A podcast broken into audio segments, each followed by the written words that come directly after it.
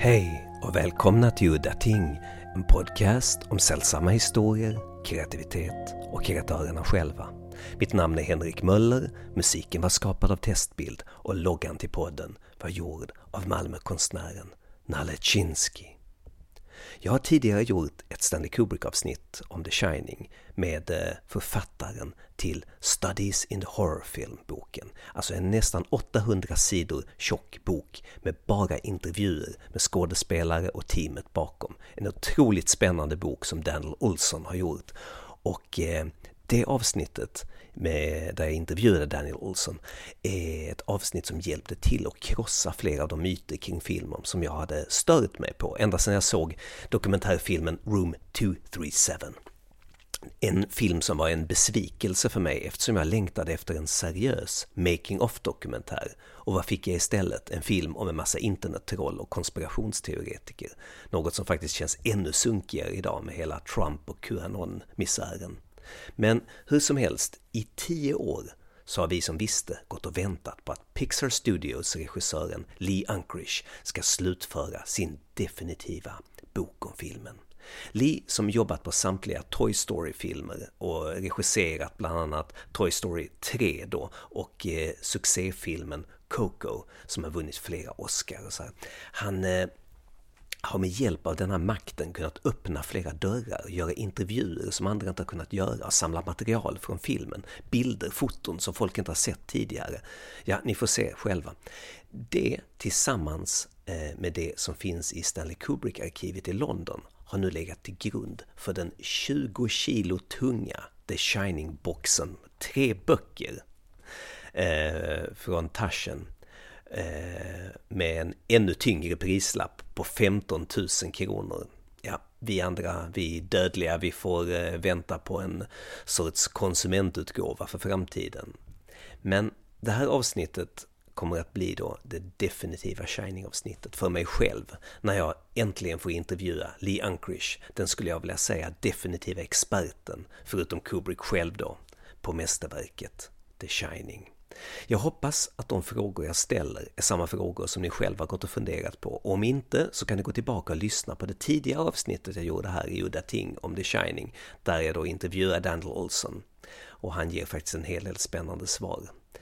Men nu min kanske kändaste gäst någonsin i den här podden, den flerfaldigt Oscarsvinnande Lee Unkrich om The Shining.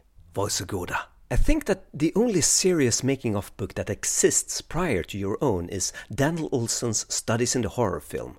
Uh, there's been a lot written about The Shining from an analytical perspective, um, you know, in terms of interpretations and meanings. And I, you know, I, I wasn't interested in contributing to that because there's so much out there. Um, what I was interested in specifically was the actual making of the film and how Kubrick worked while he was making it because there was very little out there about that. And uh, it felt like a, a big void for me to fill.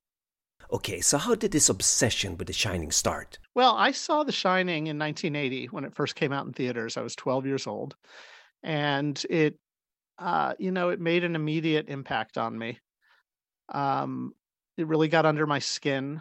Um, it was the first movie that I can remember seeing where I felt like I was watching the work of an artist. Um, I think prior to that, my relationship with movies was purely movies as entertainment, and um, The Shining was something different. And of course, I you know my interest blossomed out into Kubrick's other films, and then you know, of course, the work of many other filmmakers.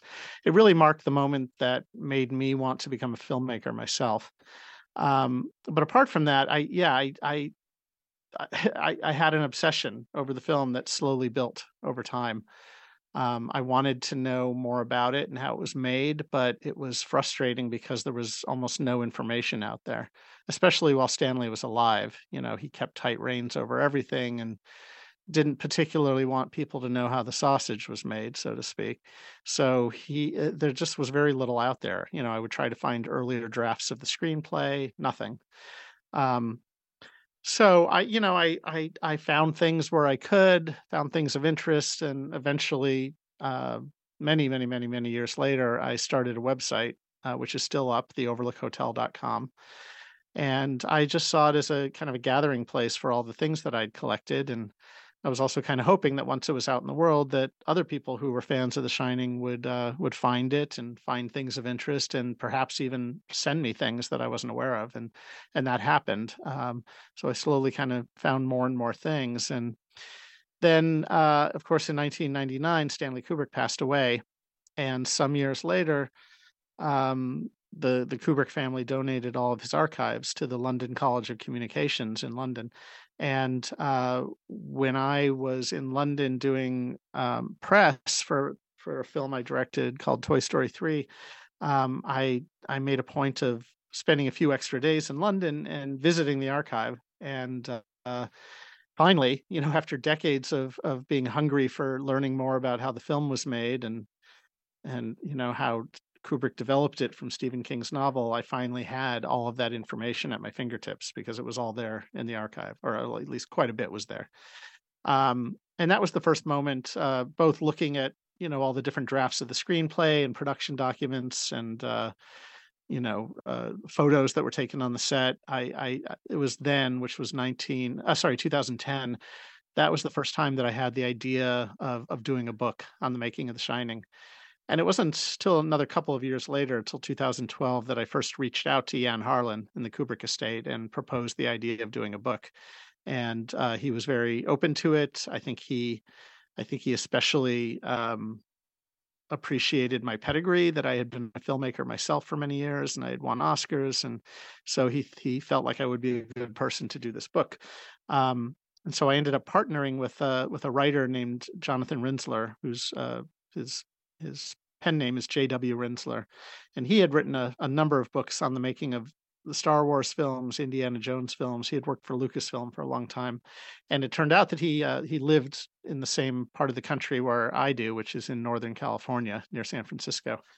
So uh, we started a partnership. I hired him to um, to write uh, uh the book, and um, I started to share all of the research that I'd gathered and uh, um, you know, I, I, I tracked down every living person who worked on the film and the cast and crew and interviewed them sometimes multiple times. And Jonathan ultimately took all of that material and fashioned a manuscript. And uh, meanwhile, I continued to unearth more and more photographs and production documents from Warner Brothers archive, from private collections, and it really it uh, was 10 years of work on this book. Um, and you know, people think that's crazy that I spent so long making this book, but it, it, was kind of necessary for me to gather all of the things that I ultimately gathered and um, and for me to track down all the people and convince them to talk to me. Uh, you know, it was a it was a long, slow process, but the end product is really what I set out to create, which is, I believe, the the definitive book on the making of The Shining, and along with that, uh, a really uh, new examination of Stanley uh, and uh, who he was as a person and, and, and how he worked as a filmmaker. When you got started, who was the person or persons that you were most interested in talking to? Well, I mean, honestly, it was everybody. Um, I mean, there were the obvious people, you know, to track down Shelley Duvall and uh, Jack Nicholson and, and Dan Lloyd. Um, but I, I, I really wanted to talk to everybody. I didn't want to just hear some stories. I wanted to hear all the stories, even if somebody was just a, you know, a stagehand on the set you know everyone has their own experience and everyone has their own stories to tell and i wanted to hear all of them. And i think that's what makes the book so rich ultimately is that you hear so many different perspectives. It's not just usually with projects like this you know they're only talking to the main people involved um, and oftentimes their projects kind of run through the studio's publicity engines and you know and they they really want to kind of limit and control the story and i didn't want that. I wanted a as truthful a telling of the story warts and all as i as i could uh as i could create. So i mean there were there were people of course that i was very excited to talk to like the the main cast members and um you know uh lisa and louise burns who played the twins um you know really anybody in the cast i was excited to talk to but um honestly everyone on the crew as well. Uh, one of the issues was that the film is, you know, it's now uh, what it's about 43 years old. Um, at the time I started, it was 33 years old. Several of the people who worked on the film had already passed away. Um, and a lot of people who had worked on the film were were not young when they worked on it, so they were now quite old. Um, so it was very important for me to find them and and and hear their stories. Um, but I also knew it was important to find some of the people that were young when they worked on the film, uh, like Leon Vitali, uh, Kubrick's assistant, um, Stanley's daughter Vivian Kubrick. Um, the people who were young, I, I, I knew I would have the best chance at probably you know these people having the best memories uh, and and having the most, the most stories to tell, and and that was usually the case, though not always. The little I know about you, I would guess that the thing that you're most interested in were the production design. I mean, the carpets and the wallpaper. Yeah, I mean that was definitely an aspect I was interested in. Um, unfortunately, the production designer of the film, uh, Roy Walker, uh, passed away really in the very early days that I was starting this project. But I was lucky enough to get my hands on a very extensive interview that he gave um, some years prior to dying, and that that was very very helpful, and it, it allowed me to put his voice into the book. I also tracked down uh, the, the, art director uh, of the film, um, Les Tomkins, and uh, he's still living and working. Um, you know, does very big projects himself now, uh, and he uh, he had a lot of stories to tell. And I asked about you know many of the things you were just mentioning. You know, the carpet being one of them. Les actually was the guy who designed the the carpet patterns for the film. He his memory was that Stanley told him he wanted ugly American carpeting. that that was kind of his direction. I mean, you know, Stanley was a, a, filmmaker who liked choices. He liked to be presented with lots and lots of choices, and he liked to then make choices. Uh, you know, make his his choices from the things that were uh, shown to him. Um, and that was true of the carpeting as well. He was shown a lot of different patterns and different um, kind of uh, colorways for those patterns, and he ultimately made his choices. Um, I find the carpeting very interesting because the you know the rest of the production design in the film is very rooted in, uh, for the most part, is rooted in real places um, like the Timberline Lodge, which inspired the exterior of the Overlook, um, the Ahwahnee Hotel in Yosemite National Park here in California, that inspired a lot of the interiors of uh, of the Overlook. Um, so they're those are very real and have kind of Native American influences and they're very grounded. And then you'll get these odd hallways with strange carpeting, very geometric, or you get the red bathroom that Jack speaks to Grady in. These moments that are very Kubrickian in my mind. Um, they feel much more like something out of uh, 2001 or Clockwork Orange. Um, uh, but I love it. I love that you know Stanley still you know had to put his own kind of imprint on the the look of the film, even though he also very much wanted the the, the sets to be inspired by real places. There has been some research made into this, the patterns and the colors of the carpets and curtains, and I wonder, was there a plan to combine these elements to create a sort of vertigo effect, a sort of dizziness or sickness in the viewer? I honestly, I don't know that that's the case. Um, I don't think it is. I mean, like we talked about at the beginning of this, that The Shining has been overanalyzed to the nth degree and and the thing that happens with Stanley Kubrick is uh, th- there very often are things in his films that are there by design and they are there to evoke you know certain feelings in the audience and so because those things are there people assume that every last thing every little piece of furniture every curtain everything is is there for a reason and designed to evoke feelings and and it's it's really honestly not the case. I mean, anybody who has made movies or worked on a set knows that that would be impossible to to do. And and frankly, Stanley. Another very interesting thing I learned about Stanley Kubrick is that he he very often did not have the answers. He didn't know what he wanted. He he was always on a search for things that were interesting to him, and uh, often choices were just made uh, on the fly on the set. So that kind of goes against the idea that Stanley would have kind of designed everything prior to uh, the film being made, which really was mostly not the case, honestly. Um, that being said, there were things that he put into the film to evoke feelings of uncanniness in the audience. Um, I've gotten to be good friends with Diane Johnson, who co-wrote the screenplay with Stanley, and you know she talks a lot about how they they they they talked about Sigmund Freud and and specifically his essay on the uncanny, and uh, and and his feelings about what would evoke feelings of uncanny in the audience and and uh, Stanley was very interested in that and he he did he did play with that to some degree. Um, you know in terms of uh, you know there is some number play in the film that I know he was thinking about. Like the story of why they changed the number of the room from 217 to 237.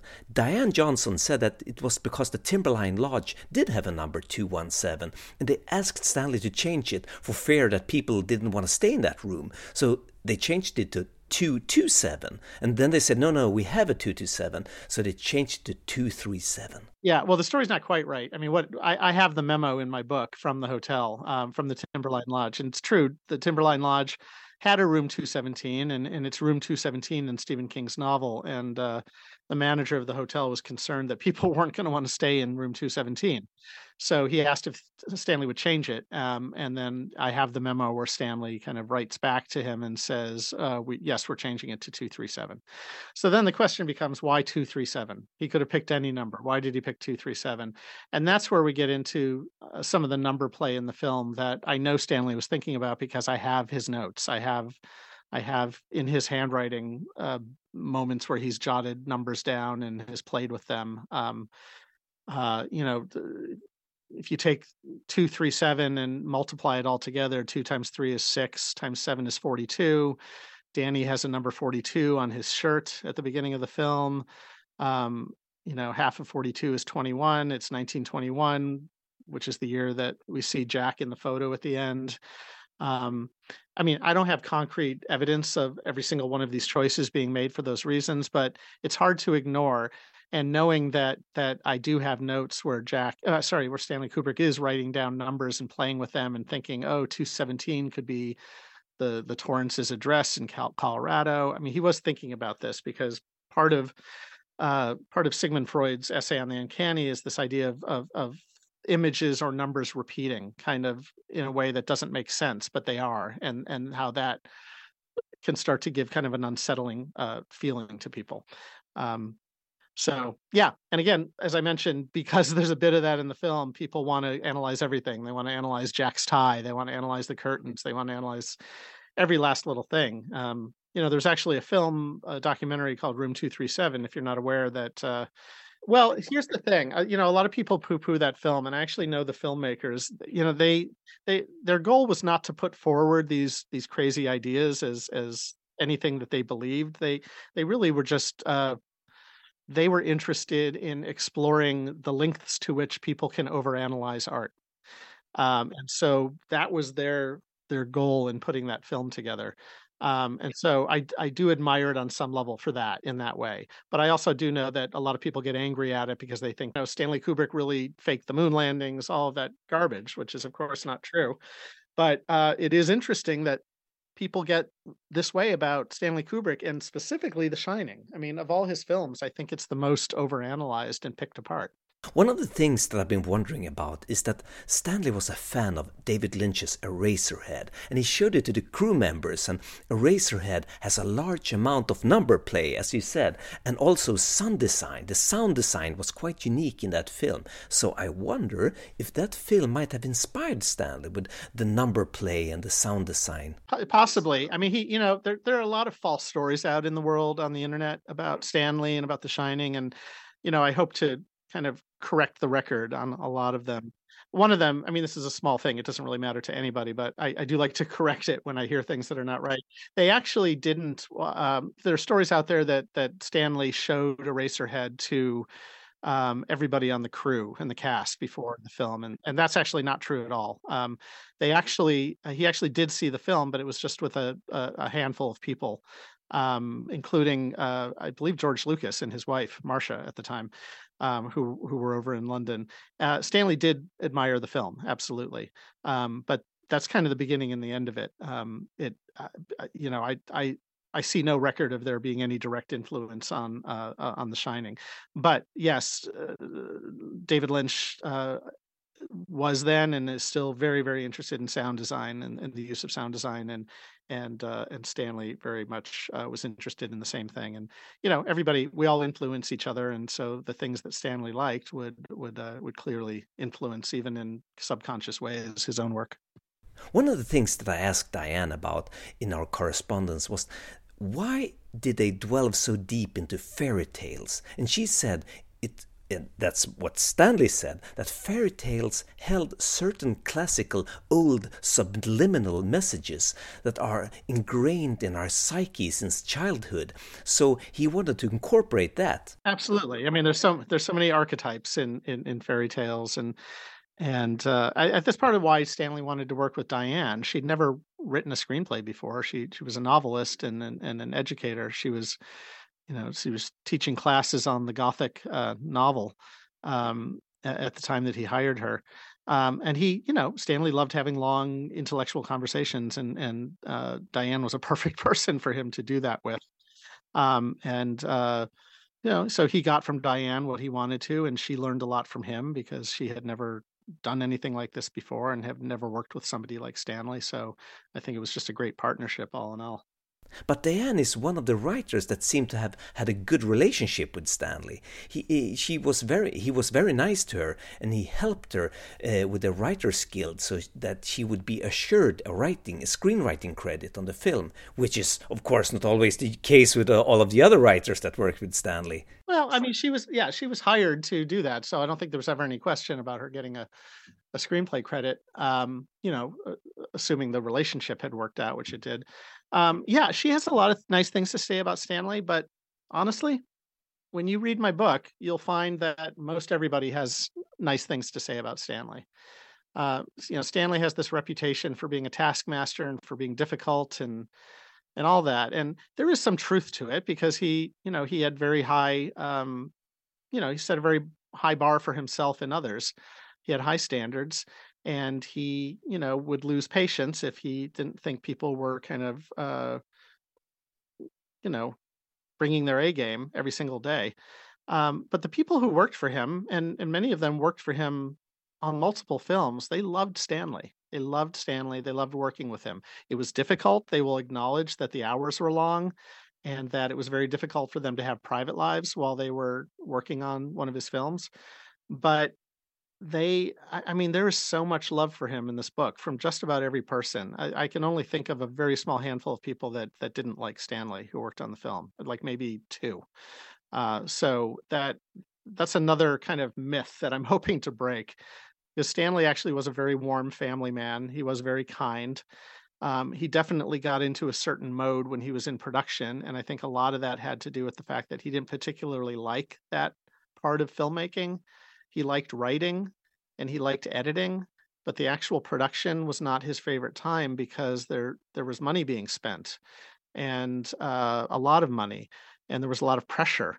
And i think he probably i know that he did not particularly like having to be an artist and be creative under so much pressure.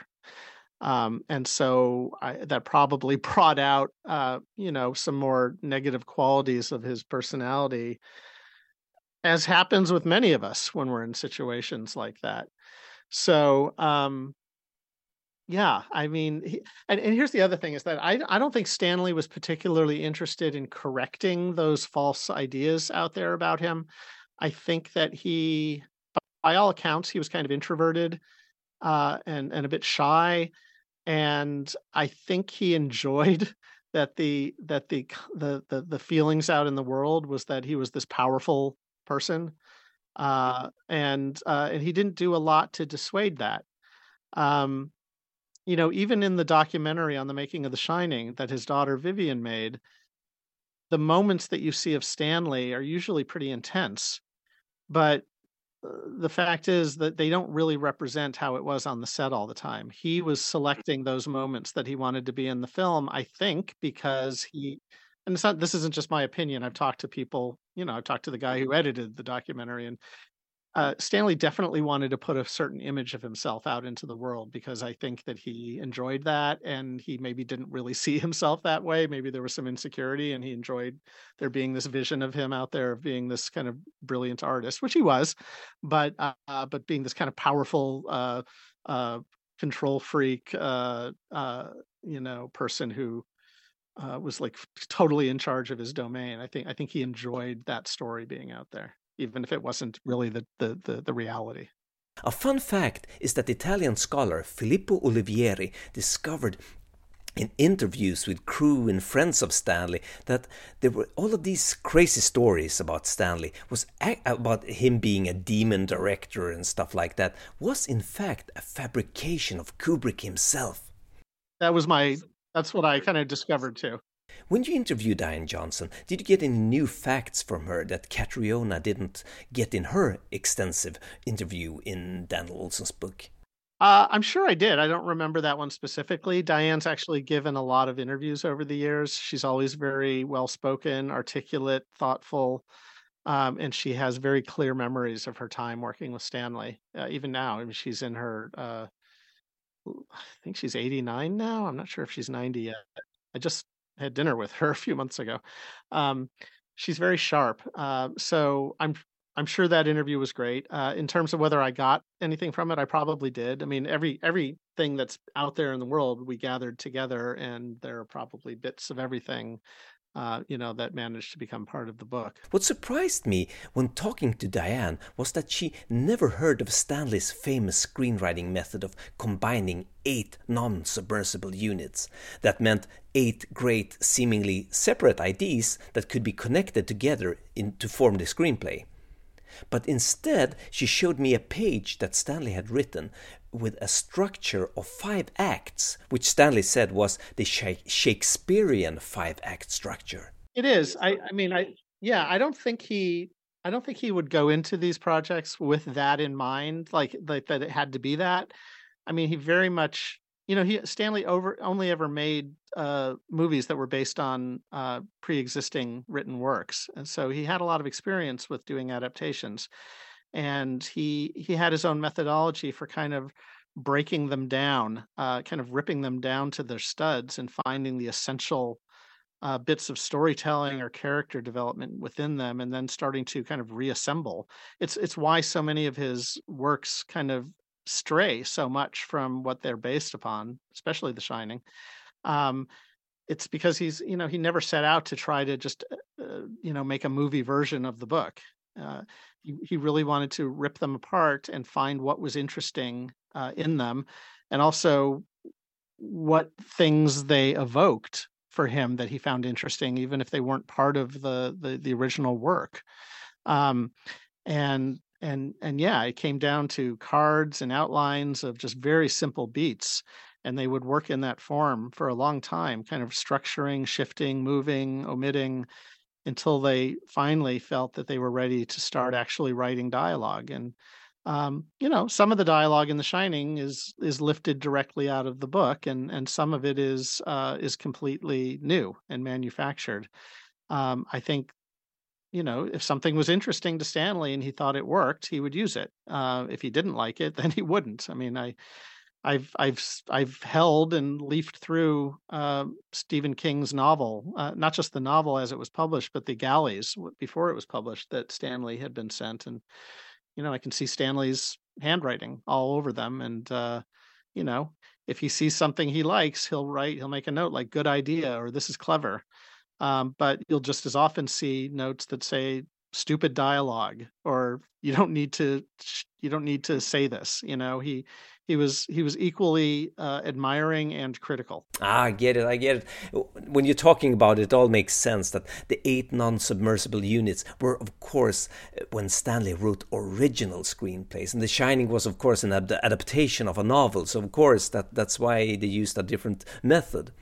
An interesting thing is that diane said that there was uh, what was shot in the movie was pretty much what the screenplay screenplay was. The screenplay that she had written was more or less what was shot. So that is pretty strange to me because if you see the documentary, the script changed every day. It was re- rewritten every day by Stanley. You can see him sitting there typing at a typewriter during filming of the, uh, of the film. So uh, that's kind of strange to me. Well, that's not true. I mean, what Diane? I don't know that Diane said that. I've actually never heard Diane say that. I mean, Diane was fully aware. They, they didn't have a complete screenplay when she was done with her time working with Stanley. They had written a number of scenes and had a rough, you know, basic structure for the film, but there were vast swaths of things that had not been worked out yet. The whole ending of the film, the whole third act had not been written. Um, at the time that Diane left, there was no maze at the end of the film. Um, there was a completely different ending that involved uh, uh, Scatman Crothers' character Dick Hallorann coming to the hotel and and being the one who ends up going after Wendy and Danny. Um, there, so I mean, that's the truth. Is that no, they didn't just write a screenplay that Stanley shot. There were there was a lot of material that Stanley had yet to figure out. Um, I'll give you an example. Uh, when when when Scatman Crothers came to shoot his part uh, uh of the Dick Hallorann, you know he was there at the beginning of production to shoot all the scenes at the beginning of the film like when the when the family meets him at the hotel and he has the conversation with danny in the kitchen. They shot all that stuff but then scatman was released and he went back to the united states. And at the time he fully believed that the story was going to end the way the book ends with with scatman well sorry with uh hallorann showing up and being the one who kind of rescues wendy and danny. And it wasn't until uh, Scatman was was called back to the set many, many, many months later that he learned that his character was actually going to be killed by Jack. So, um, you know, I I have any number of, of drafts of the screenplay, and there are things that do remain the same all the way through to the finished film, but there are many other things that that completely change. Um, Stanley was always was always re- rewriting. He was rewriting on the set because during the rehearsal process things would emerge and he would get ideas and you can see in vivian's documentary stanley sitting on the set with his little typewriter typing out dialogue. And um, i have a, I have a continuity script of the film that was given to me by vivian kubrick uh, and we actually completely reproduced that uh, continuity script as part of the special edition of this book. Um, and you can see within that script lots of little bits of uh, typed paper, you know, straight out of Stanley's typewriter and taped into the script. So it was a constantly evolving process. And and The Shining isn't the only time that happened. If you read uh, Matthew Modine's diaries while he was making Full Metal Jacket, you hear very similar stories where Stanley didn't know how to end the film, and he was constantly troubled by that and constantly asking people's opinions about how they thought he should end the film ultimately he was the one to make the decision, of course, about how to end the film. But um, uh, again, that kind of pierces the narrative of Stanley uh, being this genius who had everything figured out and then just executed it. A story that I think must be part of the mythology is when Kubrick's friend Joe Turkel, the, the bartender in the film, he told a story that Stanley closed down the set, the big set of the Gold Room party with all the extras, when he discovered that the ashtrays were not 1920s period ashtrays. Yeah, that's partially true. the, the, the fact that they did have a conversation about the ashtrays uh, is true. The fact that Stanley shut down the set is not true. Um, uh, I mean, th- I have the story in the book, and basically, uh, Stanley notices that the the he asks about the ashtrays because he was constantly asking questions of people, and he determined that the, the the ashtrays were not period, and he wanted them changed out for ashtrays from that era. And Joe asked Stanley, "Why bother? Like, why no, like nobody's going to notice. Why do this? And Stanley Stanley's response was essentially, "Well, what's the matter with you, Joe? I'll know. I'll know." so that that was enough reason for for Stanley. And he, you know, Diane has a story as well that I'm not not quite the same, but in this in a similar vein that when she visited the set, uh, you know, much later when they were actually shooting the film, she went into the caretaker's apartment set and was in the bathroom and she noticed that the, the the tiles on the wall by the bathtub went all the way up to the ceiling, and she just offhandedly mentioned to Stanley, uh, "You know, that's odd. Like normally in in bathrooms like this, the tiles would just go up above the shower head; they wouldn't go all the way to the ceiling." And Stanley, uh, you know, Diane said Stanley turned to somebody and said immediately, "Let's pull these down and do this right." Um, I, heard, I heard another story that's not in the book because I only heard it when I was at that party at Stanley Kubrick's estate, uh, you know, a week and a half ago. Um, I met a guy there who uh, whose father was an insurance adjuster and had been visiting the set doing some work, and they he saw the the the, the sign outside the gold ballroom, uh, you know, that says the unwinding hours and kind of has an advertisement for some entertainment at the gold in the gold ballroom, and and he looked at the hours of the entertainment and he just mentioned, "Oh, that's odd that that they would be putting on a show at that time." And he said Stanley paused for a moment and then called someone over and said, "Let's change this." So, again, he was always listening to people, and he wanted things to be accurate. He didn't want things to be arbitrary. Um, you know, I don't think he was anal to the point of. I mean, obviously he was a functioning human who and, and a professional who could get movies made. Um, so he wasn't like so obsessive that he couldn't get things done. But if there was a choice to make, why not why not get it right? I think was his attitude. Well, I mean, the, the scene is shot in a big master shot. I mean, it's impossible even to see the existence of an ashtray on a table on that big screen. Well, I think he was probably speaking more of the ashtrays that are on the bar. Uh, because there are they are visible on the bar when when Jack's there in the the 1920s uh, scene. So, yeah, but also you know Stanley didn't necessarily know exactly how he was going to shoot a scene you know when they built a set. So he he wanted things to be right and just because something ended up being a, a, minor detail in the background ultimately in the film doesn't mean that it couldn't have been something that could have ended up more featured. So you know he just wanted to make sure everything was right. What fascinated me was how intertextual Stanley's approach was to crafting a story. I mean, at least in the case of The Shining, I mean, just thinking was that very helpful for the end product to have a very intellectual discussion on the themes in literature? I think it's more, and I'm speaking as somebody who's made films myself and have written screenplays and developed ideas. I think that you just try to surround yourself with things that are going to be inspirational, and uh, and I think that that's what Stanley did. Um, I, I don't think I don't believe that the writing of the screenplay was an intellectual exercise for him. At the end of the day, he's making a drama. You know, he needs to have a story that works, that have characters the audience uh, can connect with on some level, and and a story that unfolds in a way that keeps the audience gripped. That's what his. That's what's most important to him ultimately. Um, and uh, you know, if he's pulling ideas from Freud or from fairy tales or or from wherever, from other films, even into his work, he's doing it either subconsciously or he's doing it because he he found those ideas interesting and he wanted to kind of put his own spin on them. Um, I don't, I, I don't know. Everyone, listen. There have been so many books written about Stanley and how he worked and what he was thinking, and of course, nobody can ever really know except Stanley, who's no longer with us. And even if he was, he wouldn't be talking about it. Um, you know, so I think what I said kind of pretty sum, pretty much sums up my own personal feelings about uh, how Stanley approached his work. What interested me was that Stanley apparently never told anybody what was in his mind, and when he when he made a film, I mean, even Leon Vitali was clueless. He didn't know. He wasn't in on it. And it, Leon tells a story that Stanley was very disappointed in him when he read the screenplay to Eyes Wide Shut and he didn't understand it. And Stanley told him, Don't you see the big picture, Leon? Can't you see the whole thing? I mean, the sum of the parts. Yeah, I mean, also keep in mind that Eyes Wide Shut and its source material. I mean, this was something that Stanley had been thinking about for decades.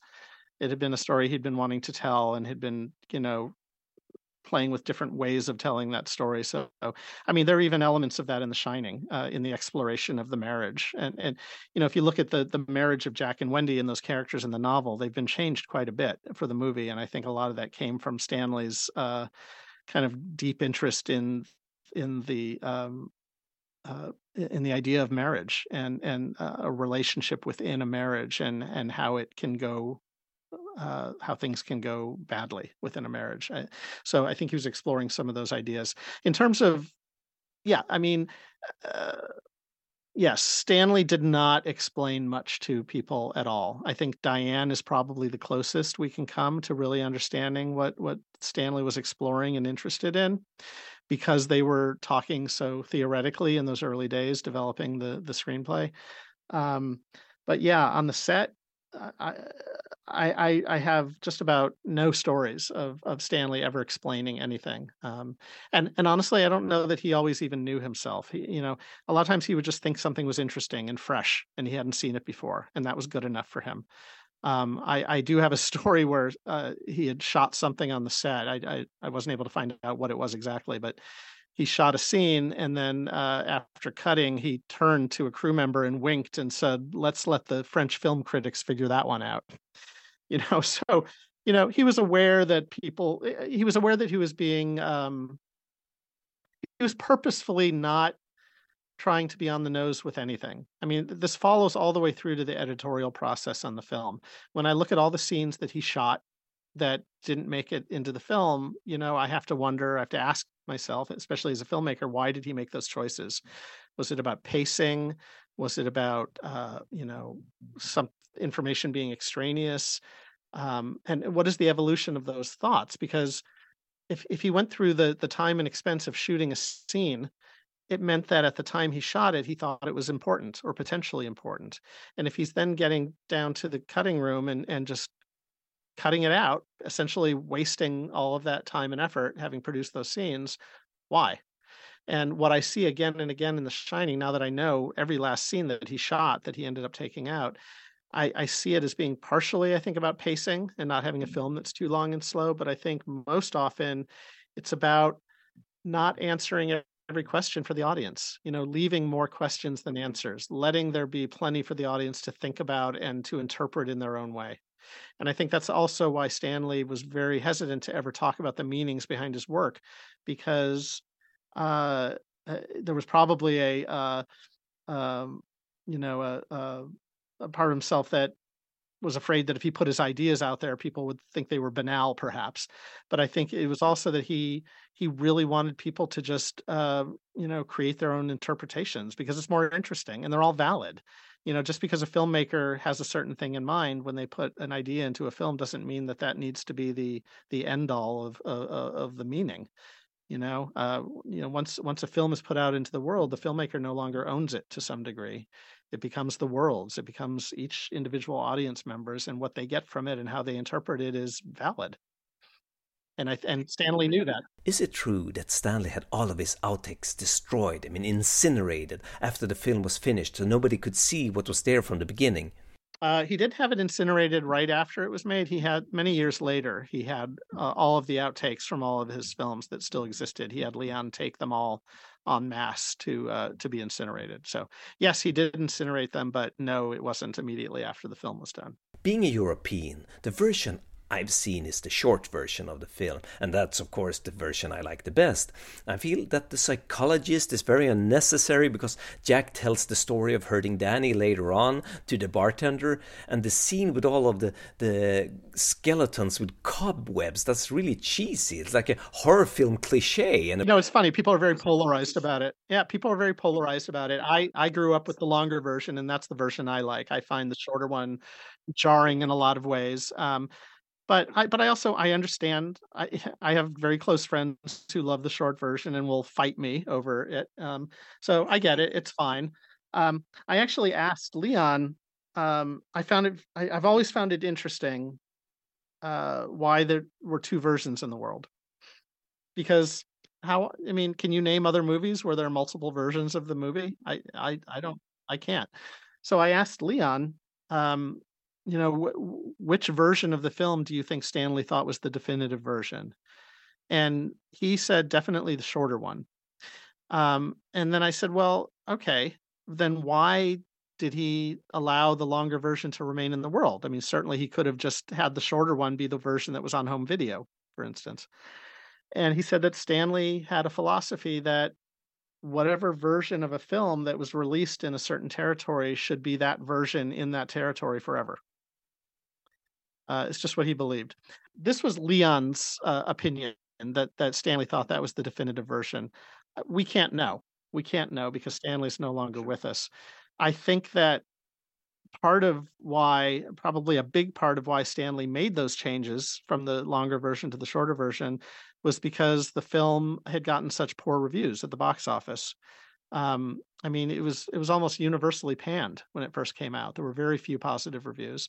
Um, the film did well financially, but he, I think he had been hoping for it to do a lot better. And I, I personally think that he made a lot of the changes that he made out of a bit of panic to try to salvage something, and since it hadn't been released yet uh, overseas, um, uh, you know, I'm one to argue. I'm one to argue for like I actually like the skeletons, and I know that people who like the shorter version hate it and don't understand it.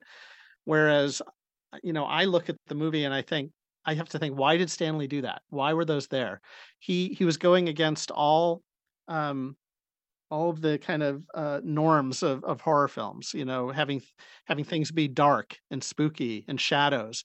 And he made a horror film that t- takes place for the most part in broad daylight, you know, brightly lit sets. It, it, went against everything having to do with kind of standard, you know, gothic horror.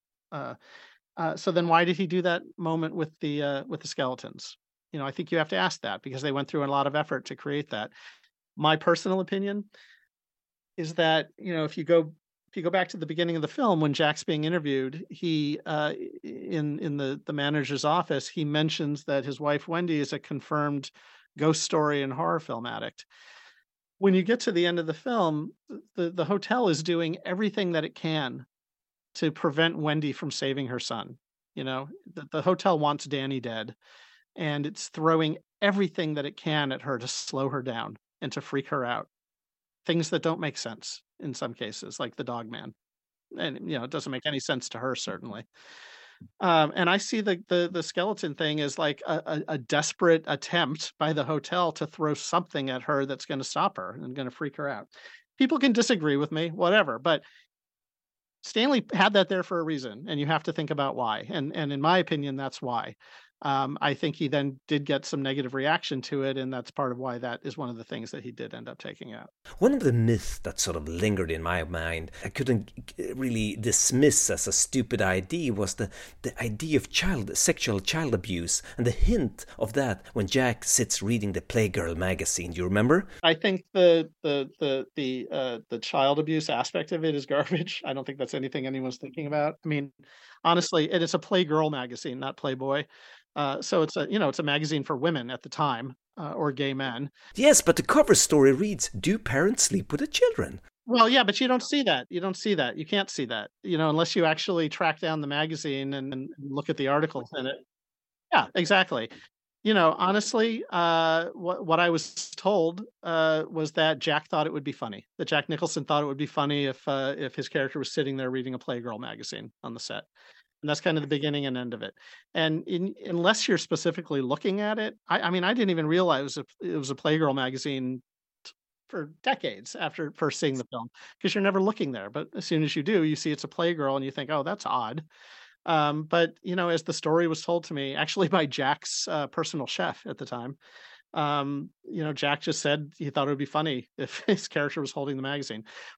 You know, Stanley never expected people to analyze his films to the degree that they have, and it's only because of home video uh, that people are able to. I mean, think about the time he was making these films. They were films that were seen just in theaters. And then eventually, you know, home video became a thing and people could watch it, you know, maybe a few more times on video. But this ability to to be able to like grab uh, you know freeze frames of shots and then compare them to other shots and see the continuity mistakes and where furniture is has been moved around. Stanley didn't care about any of that and he never imagined anyone would be doing that. Well yes this is my opinion but i but based on what i know and everyone i've talked to and knowing how movies get made the reality of how movies get made i you know i don't i think very little if any of that was by design um, Stanley, first and foremost, was a photographer. Stanley was very interested in lighting. He was extremely involved in in the lighting and the, and the lens choice and the compositions of his frames. And I think that he had no problem having some chairs move out of the background of a shot if he thought that they were interfering with the composition in some way. And so now, decades later, people say, "Oh, he moved, the the the chair vanishes from the background." What does Stanley mean by that? You know, I, I honestly, and again, everyone is entitled to their opinion. I think all of that level of analysis is uh, I don't think it's anything that Stan, Stanley intended. It's too much. Yes, let people have fun with it. Whatever, uh, whatever. Seriously, like it's fun. It can be fun. Well, that's that's my opinion about a lot of that. I'm thinking of all the symmetry, the symmetrical patterns in the carpets and curtains and paintings and pillars and all of that stuff combined with Stanley's symmetrical placement of the camera. Was that intentional? That's very intentional. Absolutely. 100%. 100%. There's a lot of symmetry. I think Stanley was really I well, I think partially Stanley was really drawn to those kinds of compositions. Um, Garrett Brown, who was the Steadicam inventor and operator, told me that Stanley was once told that uh, people really liked uh, what he called a Palladian composition, which was kind of a, a, very symmetrical composition like that. And once Stanley heard that that people liked that, he he kept doing it. Uh, that's that's as Garrett tells the story. Um, but yes, I think that I, I, know there's very obviously intentional mirroring happening all over the film. There's a heavy use of mirrors all throughout the film. every single scene with uh, uh, well, maybe not with the Grady girls, but every other scene with ghosts being Lloyd the bartender, Grady, um, the woman in 237, all of those scenes involve mirrors and and and make use of uh, the idea of reflections. Um, uh, in the scene where Jack is walking down the hallway uh, towards uh, the Gold Ballroom when he's really angry at Wendy at, at having been accused of of harming Danny, as he walks down the hallway, every single time he's in line with one of the mirrors on the wall, that's where he's doing a big angry gesticulation. Um, that's not an accident. That is that is you know Jack Jack doesn't talk about that aspect specifically, but he does talk about what Stanley was asking him to do as he was walking down that hall, and he probably was giving him notes about when to do it as well. So I think those kinds of things were there by intention, certainly. Also, in in the you know in the scene with with uh, Grady, mostly in the red bathroom, if you look at it, and and and uh, and I think Jack does talk about this a bit in the book. Stanley asks Jack to not look at Grady in the eyes. All of those scenes where he's talking to Grady, he's actually looking into the mirror, almost as if he's looking at his own reflection in the mirror. Like the eye lines don't line up. Um, and again, that was intentional again, we don't need to get that specific about interpreting it, but it but it does leave it open to interpretation. It does it does create a scene that is more interesting than just two people standing and having a conversation, looking at each other, right? Um, you know, I noticed something not until many many years after I saw the film, which is that every single scene with ghosts, all of them, Grady, the woman in two three seven, Lloyd, um, the Grady girls, they never blink. They never blink. If you sit and watch the film, they never ever blink. Um, were they asked to not blink? Perhaps, but at the very least, Stanley had control over in the editing room over whether he was using portions of shots where any of the characters blinked or not. Um, so again, all this goes back to the fact that because Stanley did intentionally do things like this, people want to believe that every little, every last detail was something that he uh, was controlling, and and I think the truth is really kind of halfway in between. Do you describe all of the lost scenes in your book? And how did you know what was lost? I mean, was it from the screenplay or how did you know what was actually shot? Yeah, we do have the actual scenes and I, I replicate some of them in the book. Many, well, yeah, anything that was shot, I, I, I describe as having been shot and it's notated. I mean, the, the book is practically a day by day making of the film. So when they're shooting a scene, whether it ended up in the film or not, we we t- tell the story chronologically. So at the time it was shot, there was no idea that it wasn't going to end up in the film. So we just describe it as any other scene. Um, there were a number of black and white continuity Polaroids shot all through the production, and I got my hands on all of those. So those give a glimpse into many of those scenes that are not in the film. But most importantly, I managed to get my hands on actual frames from most of the scenes that Stanley cut out of the film, actual color frames, and those are in the book. It is amazing, especially since everyone believed that everything had been incinerated uh, until I discovered that everything had not been incinerated. Well, there was there was an epilogue that Stanley shot, and it actually was in the film when it was first released in uh, limited release in New York and Los Angeles. It was a scene where the hotel manager, Stuart Ullman, goes and visits Danny and Wendy in a hospital. Um, yeah, I mean that's kind of the most famous scene that people know about that didn't end up in the film. So you know, I was very thrilled to actually find images from that scene. Um, but you know, there were a lot of very interesting scenes that were shot. There was all the stuff with the scrapbook of Jack being kind of lured into the scrapbook um, and you know sharing the scrapbook with wendy in another scene and being inspired to start writing again um, all this was shot. Uh, diane johnson actually is the one regret she has is that she thought the scrapbook was a very important element in explaining jack's descent into madness and uh, she she was very open about talking about how she thought that was a mistake to remove it. Um, but yeah, all that is covered in the book, and people will be able to see uh, actual frames from the film um, from those scenes.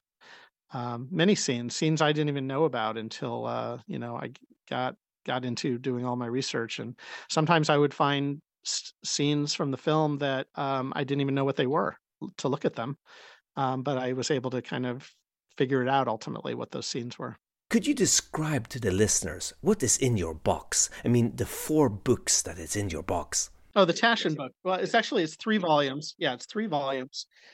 Um, well, in the special edition, which is the only edition that exists as of yet, um, uh, there's a big uh, kind of containing cardboard box, and within that, the first book uh, is a, a, big oversized scrapbook uh, of sorts, which is modeled after and inspired by the scrapbook in the movie. Uh, there's there's a scrapbook that was part of the story, was a big part of the novel, uh, and it was actually part of the movie. Stanley ended up cutting it out, uh, and it's no longer part of the story, but it remains in the film as kind of a, a ghostly echo of a lost idea because the scrapbook is seen many times sitting on Jack's writing table.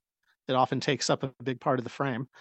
Um, so we created a scrapbook that uh, it, it, starts off being kind of a, a, a collection of old newspaper clippings about the sordid history of the Overlook Hotel, and those kind of slowly give way to um, it being a photo folio, uh, uh, just one big beautiful photo per page, a very big, thick, heavy book of uh, behind the scenes photos of the film.